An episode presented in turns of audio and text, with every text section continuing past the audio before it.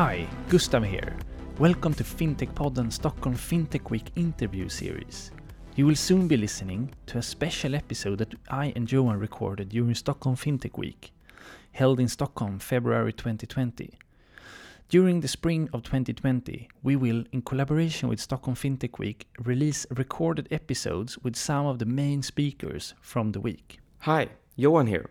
In this episode, we have the pleasure to have Roland Palmer from Alipay and Masoud Arai from ePassi joining us. We talked about how the collaboration between Alipay and ePassi uh, has enabled Chinese tourists to pay with their own Alipay app when they're traveling here in the Nordics. Roland and Masoud also shared many interesting insights and thoughts on the development of the payment landscape.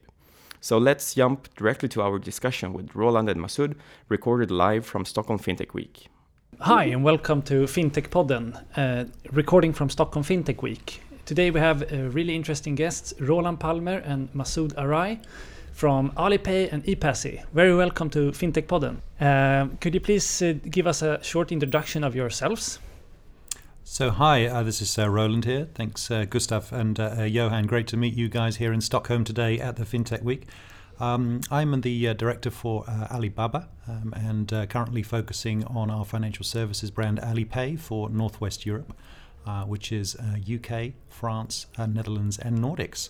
I'm very excited to be here in Sweden um, because we see a lot of good growth um, on the cross-border tourists that we're focusing on. So um, uh, just remember one number from today: there's 150 million uh, Chinese trips a year mm. going outside of China, um, and many of them are middle class, wanting to experience the great things uh, in Europe.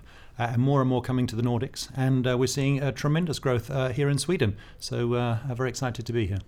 Exciting to have you here. Um, I'm Masoud Arai, and uh, in ePassi I'm responsible for the basically what we call general payment services, and the focus is on on this side uh, on offering merchants Alipay um, acceptance of Alipay payments, mm. meaning that with all these Chinese tourists are coming into the Nordics or Europe, uh, they are able to pay at different stores uh, and that's the with the same app they use with the same app that they would use at home. So it, they feel like at home mm. and uh, they, they spend more mm-hmm, mm-hmm. Uh, when they feel like at home and they feel safe uh, with it because the whole thing uh, behind Alipay and Alipay uh, platform is exactly the same way that it would work at home. Mm. Interesting. So could we go through like how was this collaboration between you started? Um, it actually started about 2016 when our co-founders uh, met uh, Alipay guys in one of the events in Germany uh, mm-hmm. by chance, mm-hmm. and one of our co-founders is actually Chinese, mm-hmm. and when they met there, they kind of decided, hey, there is a lot of tourists coming to the Nordics, and there is no actually way to really pay, except in Union Pay and these ones, and that's restricted. So they started thinking how they could actually work together with Alipay to uh, enable uh, better user experience uh, for the Chinese tourists and better um, tourism experience in all, and then at the same time uh, provide more sales to the merchants in the Nordics. Mm-hmm. So that's where everything started uh, to do, to begin with, and then in 2017 we made the first payment. Uh, actually, that was the first payment ever, QR code payment made ever in the air. Mm-hmm. It was together with Finnair. Mm-hmm. Uh, so Finnair was the first one accepting this, and then in three months they doubled their sales. Oh, uh, wow! And, and so on. And from there on, we've been growing and growing and growing together. So now you can pay with Alipay the whole way from China, even in the air, landing yes. in Finland and yes. going back. Yeah, and then when you get to Finland, then you pay more. and how is it? Uh, how is the collaboration doing between you guys? Uh, we were just looking at the uh, the numbers recently. Um, our uh, business, uh, the uh, the spend that we're doing uh, in the in the um, Nordics together, which is primarily um, in Finland and Iceland today, um, Alipay and ePassi. Um, this financial year is more than double what it was last year. Um, and we have a pipeline for growth, which I think uh, is going to uh, lead to uh, an acceleration uh, mm-hmm. of that growth. Uh, so, you know, looking at Sweden, for example, um, the, the, business in Sweden today is, is already so much bigger than it was last year. Um, but it's primarily the um, the luxury brands, uh, the uh, airport, uh, the department stores.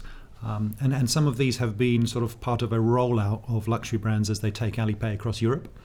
Um, we feel that working um, together with a local Nordics based partner such as uh, uh, will give us um, yeah, extra boost to get merchants on the ground. So the local Swedish uh, retailers um, who might not be part of a global payment or European payment deal um, will be interested to work with a Nordics company um, who will bring uh, Alipay. So it's really kind of a, a, a win-win, and um, we're looking forward to uh, yeah seeing you again one year from now and uh, and talking about a higher growth than doubling. Looking forward Exciting. to. Looking forward, yeah. Uh, and now you're here at Stockholm FinTech Week. Uh, how is your participation here? What, what will you talk about? So we're going to, first of all, uh, there's a wide variety of people in your audience. So we're going to sketch a little bit about, um, you know, our companies and what we do, Hmm? and then we're going to get into some case studies. And Masood's going to talk about, uh, you know, a couple of uh, customer case studies and how we've uh, made it work uh, together. And I think the um, the case studies show that um, Alipay is what we call payments plus. So. You know, I always say um, to people I meet the first time, the payments is just the key to the door. Uh, it's actually the power of digital marketing, uh, which is, uh, I think, attractive for uh, merchants here in uh, in the Nordics. Uh, so if you if you picture, you know, the, the numbers. I mean, we have 1.2 billion users today, a majority of whom are coming from China, and we also have um, several hundred million from our uh, Southeast Asia and India mobile wallets. Um, and all of those consumers that are thinking about coming to Europe and to the Nordics, uh, you know, that's why we're working so hard with our, uh, uh, so the, the big banks in, in this region. Uh, so we work with, uh, you know, Vipps in Norway, and Nets in Denmark, um, and, and payment partners such as, uh, such as ePassi uh, to try and get the, uh, the coverage as quick as possible because there is a huge opportunity um, to uh, offer digital marketing. And most of retail in Europe, I'm sure it's the same here in Sweden, um, is suffering a little bit as the footfall goes down in the high street. Uh, so when you talk to uh, retailers today and you say, we could bring you a couple of extra percent turnover just by you know talking about your brand as you want to talk about it on someone's mobile phone before they even leave China, um, then you know usually the marketing team are very excited. Um, so uh, we have to talk to the um, the finance and IT team, but also the marketing team because it really is a total picture. It's payments uh, plus the whole uh, digital marketing. And now you're active in both like Nordic and Asia. Do you see any like different development of mobile payment solution here in the Nordics versus in the Asia? I mean, in Asia, the, the you could say that that everything is QR based. Mm. Uh, payment happens QR based payments, and, and everybody has it, and everybody has Alipay. And since Alipay is more than, as, as Roland said, just a payment, it's a payment plus. Uh, they basically live on that platform. Uh, where in the Nordics, we are, even if we can say ourselves a cashless society, we still card based and we are not used to QR and so on um, the same way as uh, we would be in, in, in China. Mm, a good example is Swish nowadays. Uh, during last year, basically, Swish has come more and more being QR based uh, payments, where you don't see that in in the rest of the Nordics yet. So these are the main one of the main differences, and then marketing as such is a is a big big big differentiator. Digital marketing and how Alipay has gamified mm, utilization of uh, their app towards the consumers. Where in the Nordics, again, hmm. all the payment methods that we have, cards and Swish and all, they more focus on what they can offer to the merchant hmm. and not how to attract the consumers to hmm. actually offer them more intensives to go and, and buy more. That's a kind of a big differentiator between the Nordics and, and in general between Europe and, and, uh, China. Will we see more interoperability between different mobile payment services in the upcoming years, or maybe even local support for Alipay here in the Nordics? Yeah, I, I think interoperability is definitely uh, uh, one of the buzzwords from the last uh, you know year or so, and, and I think you see um, lots of uh, uh, different partners trying to collaborate. Uh, you know, Alipay was actually born in 2004 within Alibaba, and um, uh, it was an escrow system uh, originally, and as it's become you know part of a, um, a spin-off separate co- uh, company now, and really focusing on all sorts of merchants. Um, the, the model of both Alibaba and the DNA of Alibaba has transferred now into Alipay, and that's about partnership. Yeah, so um, you know we're collaborating with ePassi, but we're also collaborating with uh, many other uh, uh, partners. So there are there are great examples of um, wallets in Europe. Um, and I know there are lots of initiatives to try and team up and, and work together. Um, you know, we're fully supportive of all of those initiatives, and uh, yeah, we're one of the uh, one of the group who's uh, who's listening and, and participating. Um, but uh, you know, having said that, uh, to answer your question, I, I, am not sure whether it's going to happen as quickly as the consumer would like, uh, because you know you have many different countries, many different companies, and it can get quite um, complex. Um, so I think it's going to be interesting times. Yeah. Mm-hmm. Yeah, and, and, and, talking about the payments industry, it happens a lot all the time. It's almost hard to follow everything. Uh, what, what are your views on the, the uh, evolvement of the payments landscape today? Mm. Well, I think one of the key things that we're seeing is uh, consolidation. Yeah, mm. so um, only recently, um, you know, we we saw. Um, uh, the uh, acquisition of uh, the hardware uh, company Ingenico um, uh, by Worldline as to create a, a larger, you know, European player. Um, but you're seeing this, I think, on, a, on an almost weekly basis uh, consolidation and people um, trying to uh, uh, uh get bigger, cover more markets and more offerings. Uh, I, I, expect that continue to continue. Um, however, I think initiatives, you know, such as FinTech Week and all of these things are, are, are key to make sure that we uh, keep having that um, throughput of exciting new concepts as well. Because what we don't want to do um, is just to have a few big players. Mm. we, we need to have continuous innovation in this space. Mm from the ePassi uh, perspective? Um, in terms of the payment landscape development here. Yeah, payment landscape. I think in the Nordics, in, in general, and in, in Europe, if you could, uh, we could point out that uh, consolidation is one of the keys, uh, and and the other one is probably looking at how we can grow our network mm-hmm. in this context. We can do it in a couple of ways. One is to, as we have done so far with Alipay, mm-hmm. and the other one is to look at who are the other players that we could do uh, the business with. So mm-hmm. it's building a network on top of a network mm-hmm. instead of trying always to grow yourself and that's how the fintech work. Uh, mm. You don't always try to you know build everything yourself. You try to find the right partners with whom you could grow faster. Mm-hmm. So it's not just about the payments, but mm-hmm. it's about how you can leverage the network you have to actually easier get to the end uh, goal that you want, which for us, for example, is acquiring more merchants. Mm-hmm. And doing that alone in the whole Europe, it will take us ages. So mm. that's why we look for who could be partner with. Uh, in Europe, in order to get there faster. So, what, according to your perspective, what will be the future now in the next five years? How will this develop?